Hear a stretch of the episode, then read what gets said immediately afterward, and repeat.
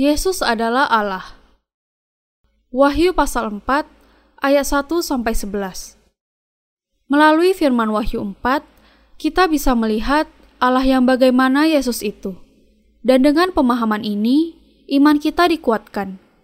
Ketika pemahaman yang kita dapatkan melalui firman itu menjadi iman dan tertanam ke dalam hati kita, kita bisa berperang dan mengalahkan iblis dengan iman yang kuat kepada Tuhan ketika masa kedatangannya menjadi semakin dekat dan antikristus muncul serta mengancam kita. Kita memelihara iman kita sekarang sehingga kita bisa siap untuk semua cobaan di masa tiga setengah tahun pertama dari masa kesengsaraan besar. Kalau kita sampai kepada hari itu tanpa pemeliharaan ini, kita pasti akan kehilangan iman kita.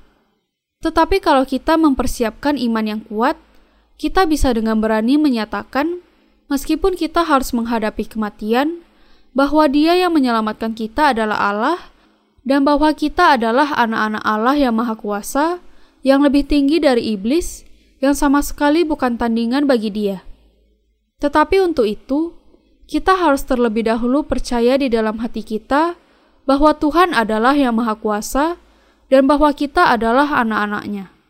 Sampai bagaimana rendah Tuhan kita, yang setara dengan Allah Bapa, turun ketika Ia datang ke dunia untuk menyelamatkan kita dari segala dosa kita, ia datang ke dunia ini dalam rupa manusia, dalam rupa seorang hamba, yang bahkan lebih rendah daripada kita ciptaannya sendiri. Apa yang akan terjadi kalau Tuhan tidak datang dalam kerendahan yang demikian, tetapi di dalam kuasa dan kedaulatan yang melampaui para penguasa dunia ini? Sangat wajar kalau yang berkuasa hanya akan dekat dengan penguasa yang lain dan memanfaatkan kekuasaannya itu kepada mereka yang rendah yang hina, dan yang lemah. Tetapi Tuhan datang ke dunia ini dalam rupa yang bahkan lebih rendah daripada kita, dekat dengan orang-orang yang rendah dan lemah, serta menjadikan mereka semua sebagai umatnya dengan membebaskan mereka dari segala dosa mereka. Inilah sebabnya Allah disebut sebagai gembala yang baik dan Tuhan yang penuh rahmat. Dan inilah sebabnya kepada gembala yang baik yang penuh rahmat ini kita tidak bisa tidak menaikkan pujian atas kemuliaan yang diberikannya dengan menjadikan kita anak-anaknya.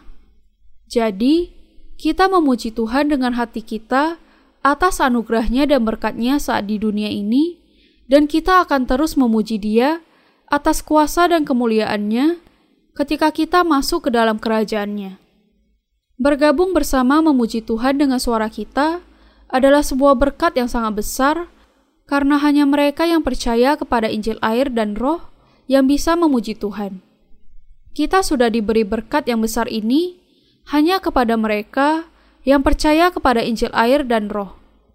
Kita tidak pernah boleh melupakan bahwa kita menjadi umat dari Allah yang sangat agung dan kita menjadi hambanya. Beberapa orang mengatakan bahwa Yesus adalah anak kebenaran Allah, tetapi ia sendiri bukan Allah.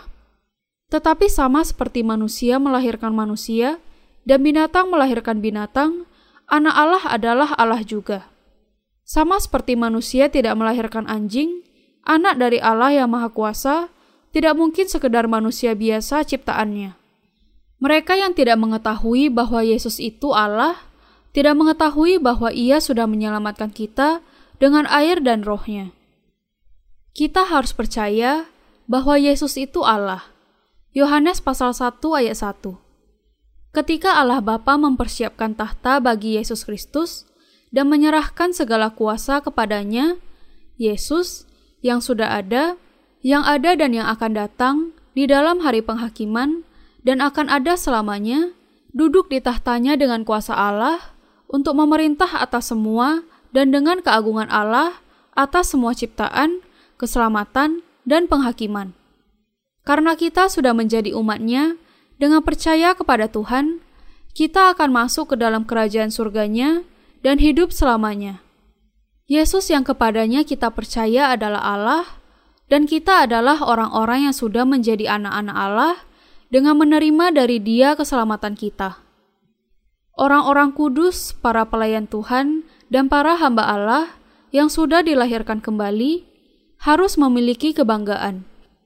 Meskipun kita hanya memiliki sedikit saja di dunia ini, kita harus memiliki kebanggaan seorang raja sebagai anak-anak Allah yang akan memerintahkan seluruh alam semesta. Saya bersyukur kepada Allah yang Maha Kuasa yang membebaskan saya dari dosa-dosa dunia dan menjadikan kita anak-anaknya. Pujian 24 tua-tua di dalam surga kepada Allah adalah atas apa yang dilakukannya di dunia ini. Pujian mereka adalah bahwa Allah layak menerima semua puji-pujian, hormat, dan kuasa karena segala sesuatu diciptakan oleh Dia dan semuanya ada oleh kehendaknya. Apa yang mutlak harus kita sadari di sini adalah bahwa Dia yang duduk di tahta Allah adalah Yesus Kristus dan bahwa Ia adalah Allah. Yesus Kristus ini yang kepadanya kita percaya adalah Allah yang sejati yang sudah menyelamatkan kita. Di dalam kerajaan surga, semua kuasa menjadi milik Yesus Kristus Allah kita.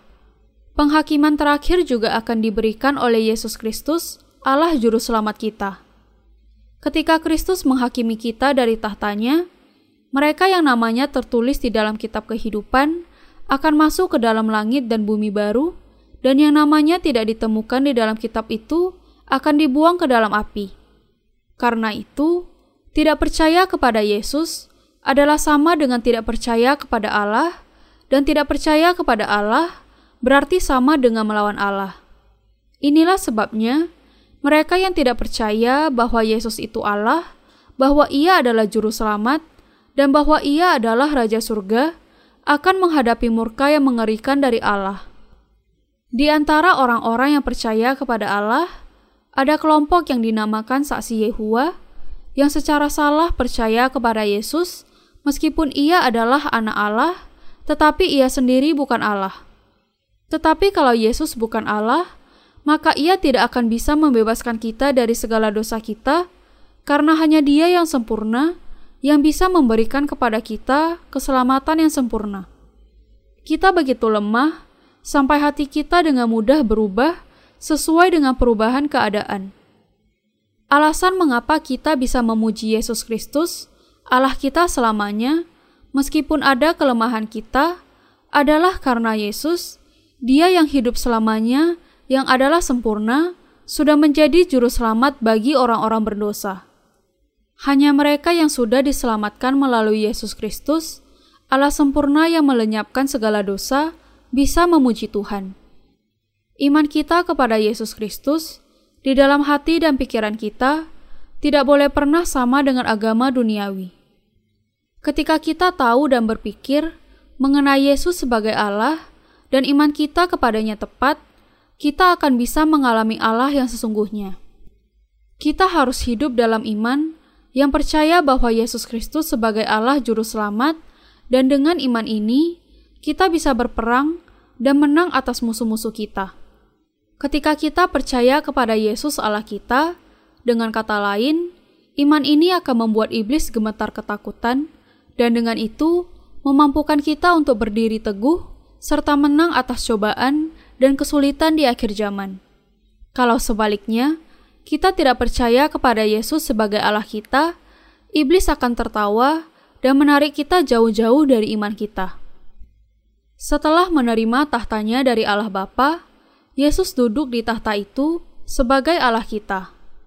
Melalui firman Wahyu, kita menyadari bahwa Yesus adalah Allah Maha Kuasa yang memerintah di atas segala sesuatu di seluruh alam semesta ini.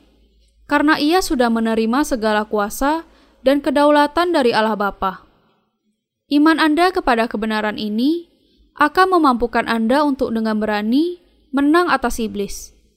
Karena kita sudah memiliki kuasa Allah yang maha kuasa di belakang kita sebagai anak-anak Allah, tidak akan ada yang bisa mengalahkan dan kita semua bisa menang di akhir zaman dengan penuh keyakinan dan tidak tergoyahkan.